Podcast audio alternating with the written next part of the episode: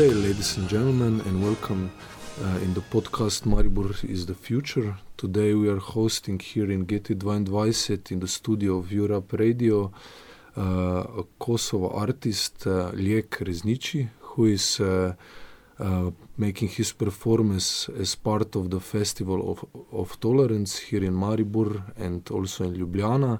Uh, and he will present his uh, performance memories of a dinner table. Uh, good day, thank you for joining us. Good day, thank you very much for having me. Uh, please, uh, for uh, uh, explain us for the beginning. Uh, what is your performance about? What are you trying to communicate with people? Yes, well, Memories of a Dining Room Table is a performance which uh, brings to another dimension part of history that is still being unveiled, unrevealed, and uncovered, which is the Jewish rescue by Albanians outside sovereign Albania, such as in Kosovo and other countries. So, this is part of history that is not being yet known, and actually, there are arguments and facts, and even the people that survived the events that are just awaiting there to be shown to the public. Mm-hmm. So the the performance itself actually started as an idea on uh, May 2017 when I was in Israel having a Shabbat dinner, and I was guest of uh, Professor Drumer, which is the granddaughter of the Jewish physician, Jewish doctor, Dr. Haim Abravanel, that was from Skopje, and that was rescued by my great grandfather Arslan Mustafa Reznici. So, as we were having this dinner during Shabbat, uh, she mentioned to me that the table, the dining table that we were having that dinner, was actually the exact table that she brought from her family house from Manastir, from Bitola in Macedonia, and in which table our uh, uh, great grand my great grandparents and her grandparents would sit on and have dinner and laugh and uh, have a lot of good time together. But uh, the aim of this performance is actually to bring the focus to another part of history that is not known, that I mentioned also before about the Jewish rescue by Albanians.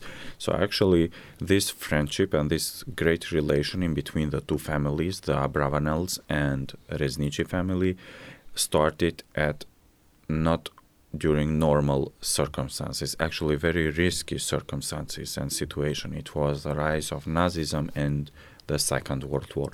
Dr. Haim Abravanel actually was very famous Jew- Jewish physician from Skopje, and he was mobilized by the German army in the beginning. Uh, and well, in Dechan, my great grandfather actually in Dechan, which is a small town in west of Kosovo, uh, was started already to rescue other Jewish families. And uh, during that time, during the war, already the disease of typhus was spread on the population, and many members of our family, of Reznici family, was already sick of that. Three of them already died, and my grandfather, so the only son of Arslan Reznici, was also sick of typhus. Even though he was being treated by two doctors, two Serbian doctors, they thought that he was sick of malaria uh, but he wasn't. So and he wasn't feeling better. So the Jews and the Jewish families that were in our family house in Dechan, they saw and recognized the Jewish doctor, Dr. Haim Abravanel from Skopje, that was mobilized by the German army that already passed uh, by the main road of Dechan. And uh, they told to my great grandfather, Arslan Reznici, that if you manage, we just saw a very famous Jewish doctor from Skopje that just passed. So if you manage to bring him out from that uh, uh, group of German army uh, and bring it to your house, we are sure that he will be managing to treat your son. Uh, and then great grandfather goes there, he finds him there, gives him Albanian traditional clothes, takes him out, and brings him to our family house. And then he was staying there for about six months. And uh, he managed to treat my grandfather, and grandfather um, is of course felt better. Eventually, sometime after a few months that he stayed in our house in Dechan. Actually, during that time, he was treating local population free of charge. Of course, he was saying all the time that I'm staying at Arslan Reznici's house, so there is no way and no reason to pay me for the services. So eventually, after a few months, when the situation was more calmed, uh, he wanted to go back to his family in Skopje. So great grandfather sent him to Skopje, and actually it was a very interesting moment because uh, when they arrived to their house in Skopje, uh, grandfather knocked, and uh, the wife of Dr. Abravanel approached Mrs. Berta, approached the door, and she just asked, "Who is there?" And uh, my grandfather said that, "Well, I'm here together with Dr. Haim Abravanel, and he want, he just uh, he came back, and she just shot. Uh, she started, yeah, you know, saying." few words from behind the door that oh no go away you just they came they took him who knows where they took him maybe he's not going to come maybe they killed him you go away you are you just came to make a joke with an old lady and then dr Haim was there of course and he whistled and uh, they had a very special whistle and uh, she recognized his whistle and then she opened the door so since then they continued to stay in macedonia and uh, when the war ended, uh, the Dr. Abravanel was appointed as the chairman of the new hospital being opened in Manastir in Bitola in Macedonia. So he and his wife Berta went to live in Macedonia.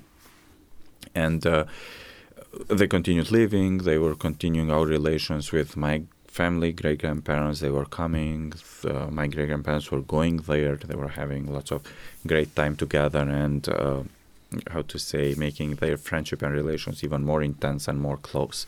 Up to 1963, when the devastating earthquake happened in Skopje, which destroyed most of the city and killed many people, including children of Dr. Haim, his daughter Reina, his uh, husband, uh, uh, her husband Sal- Salvatore and and Dr. Uh, Nisim, that was Dr. Haim Abravanel's son, they were killed uh, in earthquake. And her daughter, his daughter Reina, had a daughter Rahel that today lives in Israel. And for good luck, Rahel Shelley, as we call her, was for on that night staying at at grandparents' house in Manastir. That's why how she survived the earthquake. So after the earthquake happened, immediately great grandparents went to Skopje to meet them and to be with them together on, on this tragedy that happened. And then uh, eventually they decided to go back, uh, uh, not back, but to go to live in Israel because they wanted their granddaughter to grow in state of Israel. And since then we lost the contacts. There were some uh, tentatives to establish, but we never got any answer because uh, of the circumstances. We were not sure that the post office is working. And this, so the communication stopped. Great grandparents passed away. Dr. Haim Abravanel, his wife, passed away. So we lost the communication up to 1999 when the war was in Kosovo and we were deported from our homes and we were in Macedonia staying not in camps refugee camps but we were in Skopje and then one day as we were there we got an information that somebody from Israel is looking for us mm. and this is that Shelley granddaughter of Dr. Haim Abravanel was looking for us. She contacted Ministry of Foreign Affairs in Israel to contact the Jewish community of Macedonia and other authorities to look for the Reznici family, the family that rescued her grandfather during the Holocaust. And we were wondering who might that be because they told us some people that we knew that were inside the camps we knew that somebody is looking for you with a picture of your great grandfather who already mm-hmm. passed away on 1972 and we were wondering who might that be and then we understood that it is Rahel, that is Shelley, granddaughter of Dr. Haim Abravanel, looking for us. She already arranged everything for us in Israel just to decide to go. For children, immediately to go to school. For our mm. parents to find work and just to start new life in Israel. But as the war was about to end, uh, we were just, you know, looking to go back because we left everything and we decided not to go to Israel. But this is the moment when we re-established the contacts. Since 1963, when they went to Israel and we lost the contacts, this was the moment when uh, we re-established the contacts. And since then, we maintained everything of these great relations and friendship. And uh, actually, it's not just like a friendship; it is more like. Uh, we are kind of a same family, you know. It's, mm. it's brilliant uh, the relations that we have up to 19, uh, 2008 actually, when Yad Vashem, the Israeli institution, uh, the Remembrance of Holocaust institution in Israel, uh, the Righteous Among Nations Commission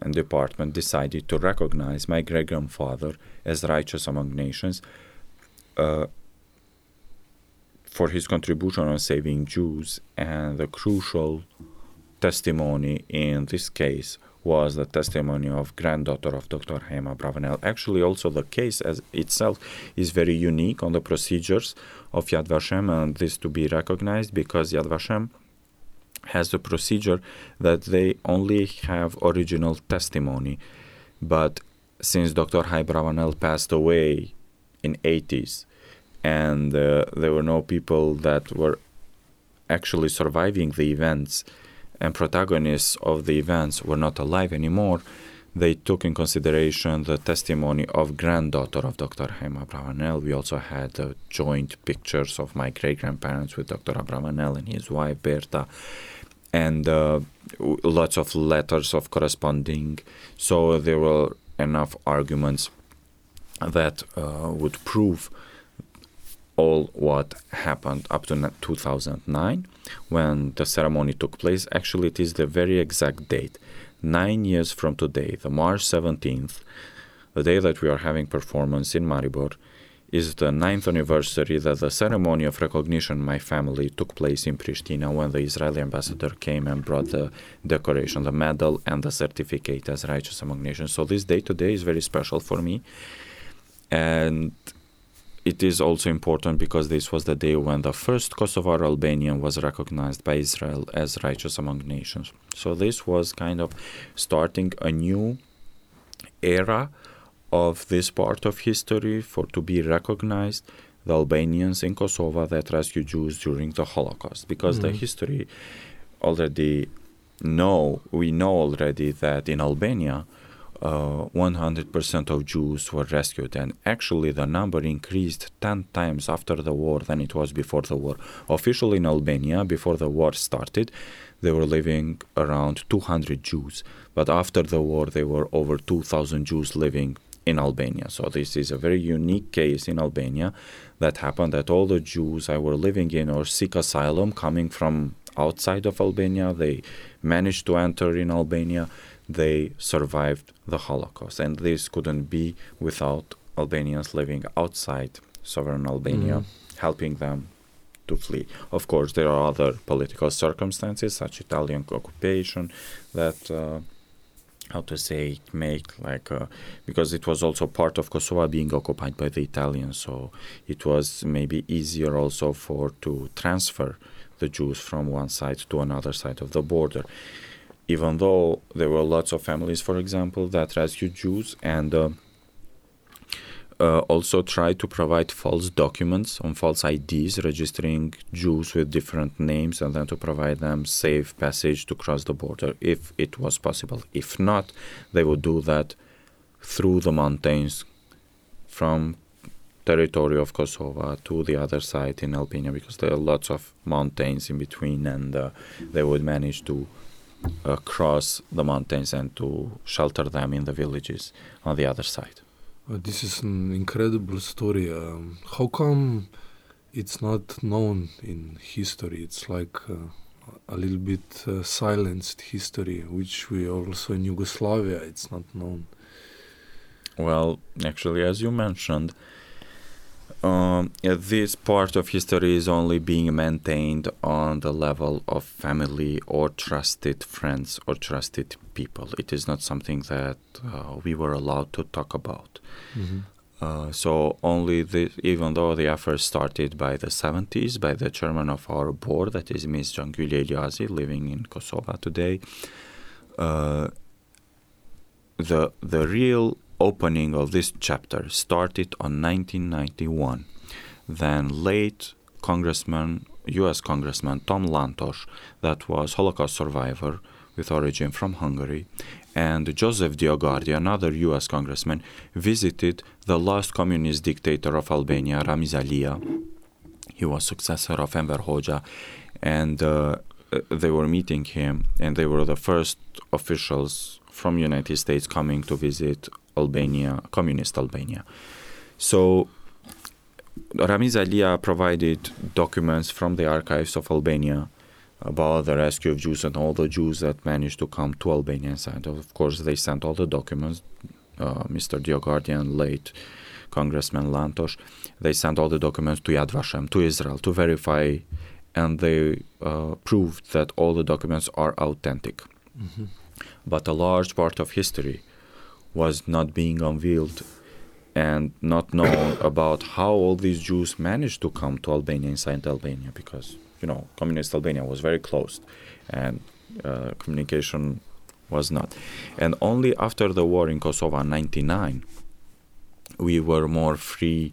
We were more feeling free to talk about these things. Even my family, for example, I, I never personally I never knew what really happened until the war ended, when grandfather started to tell us what really happened. I was raised by a sentence that great grandfather Arslan had some Jewish friends, and that's it. Uh-huh. The sentence would, would end there. We were not allowed to ask more, and nobody told us more.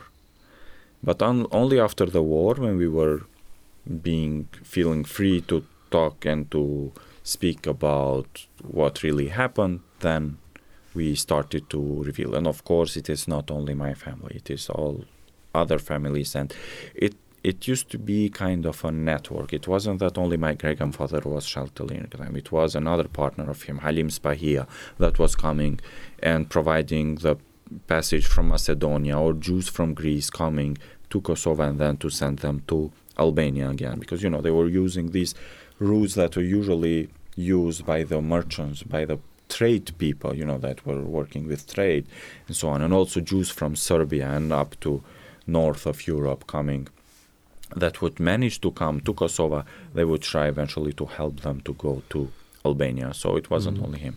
There is, for example, Mr. Arif Alichkay that provided false documents for the Jews that were sheltering in our family house. And then with those documents, they would cross the border to Albania. Albania. And how he, he would register them as Bosnians because mainly the Jews in the Balkans were Serbo Croatian speaking uh, the language they spoke was mainly Serbo-Croatian. So he would register them as Bosnian, and then with that false IDs, they would cross the border. And it's not that the neighbors didn't know. So the largest role on this rescuing of Jews was uh, playing uh, uh is the phenomenon of Besa, that is the the trusted word or the highest level of the promise that Albanian would give to mm-hmm. a foreigner. So actually, even they were never known or called as foreigners, the Jews that were coming. They were only called as guests. So they were under the host's Besa as a guest. And Besa, as a promise, is the highest level up to that the host, for example, my great grandfather or other Albanians that rescued Jews, they would risk their own families but not betray the Jewish families or the guests that they were sheltering there. Even though the word might be spread, they would manage to shelter them or to change the house of sheltering, sending from house to house, from village to village, just only not to be captured the guests, so the Jews that were sheltered, and also the hosts, of course, they would be killed also, the one that is sheltering. So mm. it, it was a large risk. But it was kind of a network, and they knew that the promise was made to them, and also the neighbors didn't betray. And uh, you, in your performance, you set up a table in a public space mm. to as like the table as a symbol of friendship. Uh, I think of Kosovo people and Jewish people, and you invite people to talk about the history, this hidden history. Why did you decide to tell this story through a performance, through a piece of art in a public space? I decided to do this because it is very very interesting the moment that happened to me when we was having we, we were having this Shabbat dinner that it was like I was feeling that moment when great grandfather and Dr. Haim Abravanel was sitting there. So I was at the same table sitting. And this brought to me that it is not only the stories that I tell, for example, up to what I was talking until now, but it is actually that it is everything concrete. It truly and really happened. So this is the table where they were sitting. And this was a way that together with my cu- curator, Dr. Mm, Dardan Selimay, uh, we concepted that it actually is something that happened. And as I mentioned, the arguments are there. And today in Kosovo, there is still no monument honoring the Albanian rescue of Jews during the Holocaust. So, for me, as a successor of, as a descendant of a rescuer, that is unacceptable. Because I think that our country should recognize people that made their own contribution through history. Uh, it's not undenying, but it is most important that not forgetting and remembering what actually took place. So, this was a performance that I wanted to bring to attention on a public space. It was put it in Pristina on July 2017 at the main square of Pristina, and it is a static, how to say, static performance, and it just stays there, static as it is, same as the arguments and the history itself. So we might learn or read or anything and just pass by through by the eyes, but it's something that we cannot deny and it is something that whoever wants to be focused on is right there. Mm. And this is how I see the historical events. The historic, historical events we cannot change, they were happening, and for our generation is only to be more focused and to remember what really happened and not to leave these things and these events to be forgotten. So the reason of this performance is this not to forget what happened. Mm. Uh, you're also the secretary of the Fr- Friendship Association of Kosovo and Israel, which is named after Dr. Haim Abravanel. Uh, which are your other activities to uh, yes. show this well, mainly, history? Yes, mainly we research on other rescuers of Jews during the Holocaust. So this is our main mission mm-hmm. to continue research and documentation and also to publicize what we find and what we research. So we go and we make the interviews with people, with the rescuers, with people that uh, suffered and survived all these events. And besides of this, of course, we deal with um, Jewish issues such as Jewish heritage and history in our country. Uh, we of course we may we register the Jewish cemeteries uh, in Kosovo, old ones, ancient ones, and the new ones. So we just work mainly on these things. Mm-hmm. Uh, just for the end, maybe a really maybe a question on current situation.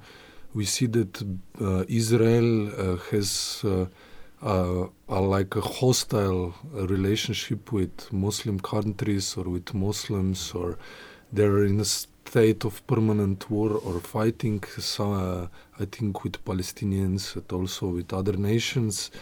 Uh, in the public eye, maybe it puts out uh, as a, like a historical hatred between the two religions, but you uh, basically nourish a friendship between Albanians and uh, Kosovo people who are Muslims and uh, the Jews that were there, and also Jews in Israel. How do you see this? Uh, it's also like overcoming these uh, social and political uh, obstacles and uh, hatred, which is which is spread also through the media, and we see it also even in Europe. It's spread even more with the right-wing parties, with the populist parties.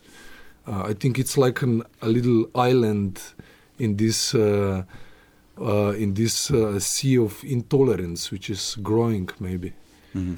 Yes, um, I understand your point, but I uh, first of all I would like to emphasize that the rescue of Jews in Albanian lands was not a Muslim act; it was an Albanian act. Uh-huh, okay. There were lots of non-Muslim families that rescued Jews, Catholic and Orthodox Albanians, that rescued Jews, and Besa as a phenomenon, as, as the promise, is not in Quran.